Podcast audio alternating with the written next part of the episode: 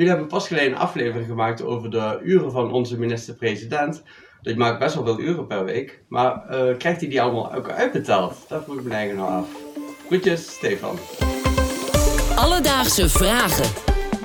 NPO Radio 1 BNN Vara podcast. met Elif Kan en Ilan Hoekstra. Stefan uit Helmond, dankjewel voor je vraag. En hallo Elief. Hallo. Mark Rutte die is vandaag eh, de langzittende premier ooit in Nederland. Hij zit er nu ruim 11 jaar en 9 maanden. Veel te lang. Bedankt voor je mening. En daarmee heeft hij het record van oud-premier Lubbers verslagen. Nu is het zo dat je in Amerika eigenlijk na 8 jaar verplicht moet opstappen. Zou dat wat zijn voor een premier in Nederland? Ja, joh. Ja, vind ik wel. Ik vind elf jaar veel, veel te lang. Oude problemen blijven. Ehm, ja, dat. Elif Kan, dankjewel voor je mening. Laten we even beginnen met wat onze premier überhaupt eigenlijk verdient. Officieel kun je het geen salaris noemen, maar het is een bezoldiging, zoals ze dat zeggen. Oftewel een onkostenvergoeding. Deze vergoeding komt neer op een bedrag van iets meer dan 170.000 bruto per jaar. Vind ik niet weinig. Is niet weinig. Maar hij werkt natuurlijk wel heel veel. Ja, dit bedrag verdienen ook alle andere ministers. En de staatssecretarissen, die verdienen bijna hetzelfde, alleen dan 10k minder per jaar. Hmm. Maar goed, Stefan gaf al aan dat we in aflevering 5 Is Mark Rutte ooit vrij? geleerd hebben dat Rutte zo'n 70 uur in de week werkt. Dat is een hoop. Maar hoe zit het dan met zijn overuren? Krijgt hij die nou uitbetaald? Onze Mark geeft even zelf antwoord. Nee. Nou, dat is duidelijk. Het was echter niet zo makkelijk om achter dit antwoord te komen. Maar gelukkig hebben we de politieke Radio 1-redactie van BNNVARA. Dus die hebben we dan ook ingeschakeld. Anne Plezier is politiek verslaggever en maker van de podcast De Nieuwsbv Politiek.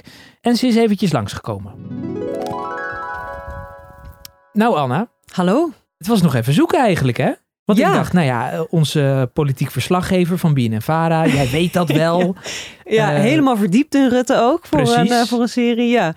Maar het was nogal lastig. Ja, want ik zei ook al tegen jou van, nou, ik denk dat je dat eigenlijk niet mag declareren. Want je bent gewoon, ja, minister-president. Nou, dat is inherent aan je baan dat je heel veel overuren maakt. Ja. Dus ik dacht, nou, ik ga dat even googlen, daar kom ik wel uit. maar dat viel toch even tegen. Dus er is ook helemaal een wet waarin je precies kan zien van, nou, hoe is dat nou geregeld voor de minister-president, voor ministers, voor staatssecretarissen. Maar daar kon ik het eigenlijk niet echt in vinden. Nee, want, want heeft Rutte eigenlijk een soort CAO? Hebben ministers een CAO? Of... Nou, er is een CAO voor ambtenaren. En eerst dacht ik dat het daar misschien ook onder viel. Maar dat is, niet, eh, dat is net iets anders bij ministers en staatssecretarissen. Ja. Die hebben eigenlijk een soort, ja, er is een soort wet zou kunnen zeggen, waarin helemaal uitgelegd staat van eh, nou ja, hoe, hoe, hoe het werkt met hun salaris en andere zaken. Ja. En er is een, het blauwe handboek, heet dat. En dat zijn eigenlijk alle regels waar ze zich aan, eh, aan moeten houden. Dus wij in dat, in dat handboek kijken, Ja, doorspitten. Ja, Maar er stond niks over overuren uitbetalen. nee, dus Of uren aan zich, wat een werkweek voor een eh, minister-president is. nee, nee, jij hebt waarschijnlijk een contract voor 36 of 40 uur. of 32. 32. Maar ik maak ook overuren, krijg ik ook niet uitbetaald overigens. Maar goed, daar hebben we het niet over. Ja, jij hebt gewoon een, een contract. Uh, maar dat is ook niet zo bij ministers en staatssecretarissen en de minister-president. Want ja, bijvoorbeeld neem een Hugo de Jonge. Toen hij minister voor Volksgezondheid werd, ja, hij wist natuurlijk niet dat er een coronacrisis aan ging komen. En dat, dat hij daar zo druk mee zou zijn. Kijk, dat soort dingen weet je niet. En dat hoort gewoon bij je baan. Dus je kunt dat niet echt voorspellen. Nou, hoe zijn we er dan wel achter gekomen? Het was nog even bellen. Ja, dus ik ben helemaal gaan bellen, gaan zoeken. Eh, ik dacht, ja, iemand moet dit toch weten. Uh, maar zelfs mensen die al heel lang rondlopen in Den Haag, die echt soort fossielen zijn op het Binnenhof, die wisten het zelfs niet. Uh, dus uiteindelijk dacht ik, ja, we moeten dan toch naar een oud minister stappen, of een minister, om te kijken. Ja, die weten natuurlijk hoe het zit met hun overuren. Ja, dus wie de heb je gebeld? Uiteindelijk heb ik contact gekregen met Jeroen Dijsselbloem. Dat is oud-minister van Financiën, toch? Ja, dat klopt inderdaad. En wat ja. zei die? Nou, hij zei dat je dus niet je overuren mag declareren. Alledaagse vragen.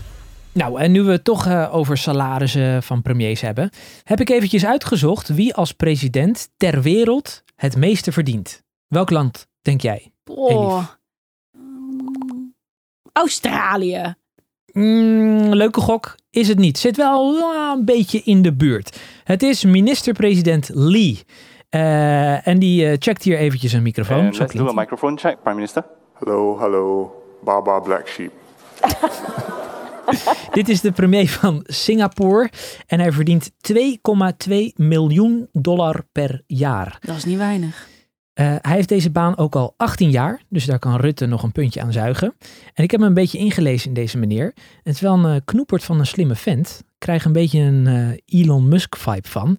Zo postte hij een tijdje terug op Facebook dat hij in zijn vrije tijd een programmaatje heeft ontwikkeld dat sudoku's oplost. Tech meneer. Dus, Stefan, krijgt Rutte zijn overuren uitbetaald? Nou, nee. Sterker nog, Rutte heeft geen standaarduren waaraan hij moet voldoen. Hij vervult zijn ambt en daar krijgt hij een maandelijks salaris voor. Of dat dan 30 uur of 70 uur in de week is, dat mag hij zelf bepalen.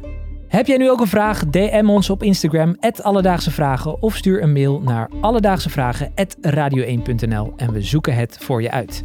En Elif, zullen we zeggen dat de mensen een recensie achter moeten laten? Ja, hartstikke leuk joh. Bij deze. Alledaagse Vragen. NPO Radio 1. BNN Vara. Podcast. Complimenten, ook namens mij. Dank u wel.